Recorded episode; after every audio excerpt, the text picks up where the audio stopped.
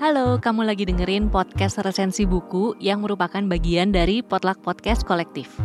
Di episode ini, kamu akan dengerin resensi buku dari teman-teman yang berpartisipasi di kompetisi podcast resensi buku 3. Kompetisi ini berkolaborasi dengan tujuh penerbit, yaitu Gramedia Pustaka Utama, Kepustakaan Populer Gramedia, Penerbit Haru, Buku Mojok, Penerbit Mizan, Bentang Pustaka, dan Gagas Media, dan juga berkolaborasi dengan Inti Megah Suara Indonesia. Selamat mendengarkan.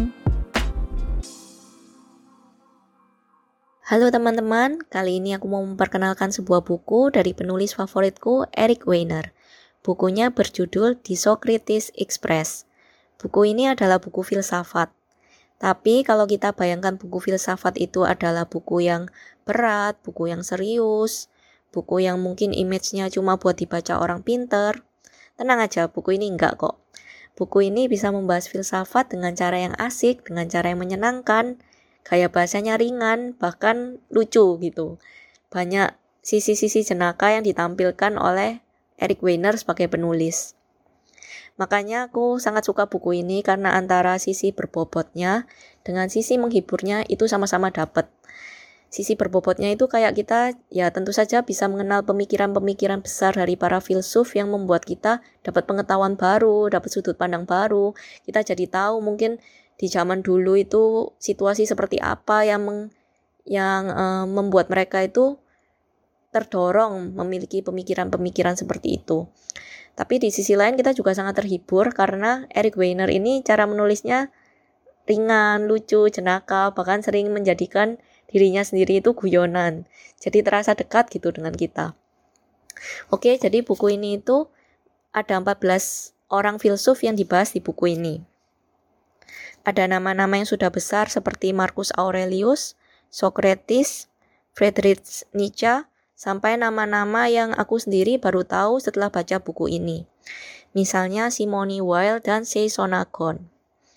Ya, kalau teman-teman yang suka filsafat pasti sudah pernah ya dengar nama-nama yang pertama aku sebutkan tadi misalnya Socrates kayak gitu. Tapi nama-nama yang baru saja aku sebutkan seperti Simone Weil dan Seisonagon itu juga nggak kalah menariknya kok. Justru pemikiran-pemikiran mereka itu yang lumayan berkesan di aku. Seperti misalnya ketika Simone Weil itu mengajarkan tentang perhatian sebagai sebuah nilai yaitu kayak percuma kita itu hadir, kita ada, tetapi kita tidak memberikan sebuah perhatian. Seperti kita itu misalnya di zaman modern ini kan sering ya, kita berkumpul, kita ketemu dengan seseorang, tapi pikiran kita nggak ada di sana. Kita nggak benar-benar memperhatikan orang itu. Mungkin kita sibuk sama HP atau kita pikiran kita melayang-layang di tempat lain kayak gitu. Ya itu lumayan membuatku tertegur sih, kayak ya buku ini bisa menyadarkan kita gitu loh tentang mungkin beberapa hal dalam hidup kita yang perlu kita perbaiki. Juga tentang pemikiran Sei Sonagon ini, beliau ini orangnya sepertinya cukup detail gitu. Karena beliau ini mempunyai suatu quotes yang berkata, melenceng satu inci sama dengan melenceng satu kilometer. Nah, buat orang yang berantakan seperti aku, itu lumayan menemplak. jadi kayak menyadarkan, oh ternyata kita tuh jadi orang harus detail. Kita jadi orang itu harus perhatian gitu. Karena mungkin bagi kita itu hanyalah melenceng sedikit, tapi sebenarnya itu uh, berdampak besar, sama sama mungkin dengan melenceng satu kilometer.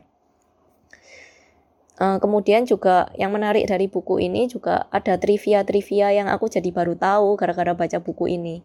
Misalnya tentang Marcus Aurelius. Marcus Aurelius ini adalah sosok yang aku kagumi karena beliau ini adalah filsuf yang juga adalah seorang kaisar Romawi. Jadi kalau kita bayangkan dia ini sebagai kaisar nggak cuma sibuk berperang, tapi dia itu masih punya waktu loh untuk menjadi seorang filsuf. Ya Marcus Aurelius ini kan kalau aku selama ini dalam bayanganku beliau ini adalah orang yang berkarisma, orang yang luar biasa. Dari quotes-quotes yang aku baca di Instagram misalnya, aku juga ada bukunya sih, The Meditation. Tapi aku belum selesai baca. aku malah baca yang ini dulu bukunya Eric Weiner ya karena lebih ringan gitu ya mungkin ya dan nanti aku pasti lanjutin kok bukunya Marcus Aurelius itu semoga nah lanjut kembali ke topik tadi ya uh, trivia yang aku baru tahu tentang Marcus Aurelius yang di bayanganku begitu berkarisma ini adalah ternyata beliau itu suka bangun siang. Nah, jadi kayak membuat kita itu mengenal sisi manusiawi dari tokoh yang besar gitu. Kalau selama ini mungkin ada orang-orang yang sangat kita kagumi, kita anggap luar biasa, hebat, tanpa kekurangan, tapi kita begitu mengenal ada kelemahannya yang tentu saja manusiawi gitu ya. Uh, kita jadi bisa lebih relate gitu. Kayak mereka aja yang memiliki kelemahan ini bisa kok. Berarti kita ini juga yang masih mungkin banyak kelemahan bisa kok menilaikan nilai-nilai yang baik yang sudah diajarkan. Misalnya ya di buku ini gitu, yang tentu saja mungkin nggak semua nilai bisa kita terapkan, tapi kita pelajari dulu gitu. Nanti kita kan saring kembali kan dengan nilai-nilai pribadi yang sudah kita anut selama ini. Tapi yang jelas buku ini itu membuka wawasan. Karena ya 14 orang filsuf dari zaman yang mungkin berbeda-beda, tinggal di negara yang berbeda-beda kita mungkin buat yang baru tertarik mempelajari filsafat ini cocok banget karena ya kita di kita tuh jadi belajar permukaannya dulu. Nanti kalau tertarik ya bisa kan baca buku referensi lanjutannya. Misalnya kayak ya Seisonagon tadi itu aku jadi tertarik untuk baca bukunya yang berjudul The Pillow Talk.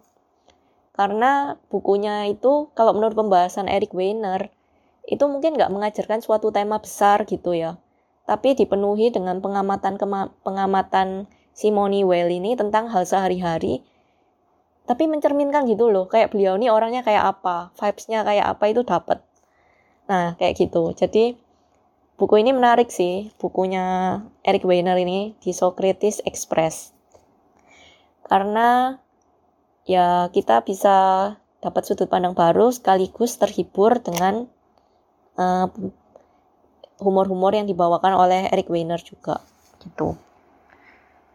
Oke, sekian uh, review bukuku ini. Semoga bisa membantu buat teman-teman yang lagi mencari buku filsafat mungkin tapi nggak mau baca yang terlalu serius. Nah, buku ini cocok banget buat kalian. Kalau buat teman-teman yang sudah katam banget gitu ya filsafatnya, mungkin kalian lebih buat refreshing aja kali ya buku ini. Karena memang jujur aja buku ini nggak membahas secara mendalam dan agak subjektif juga sih.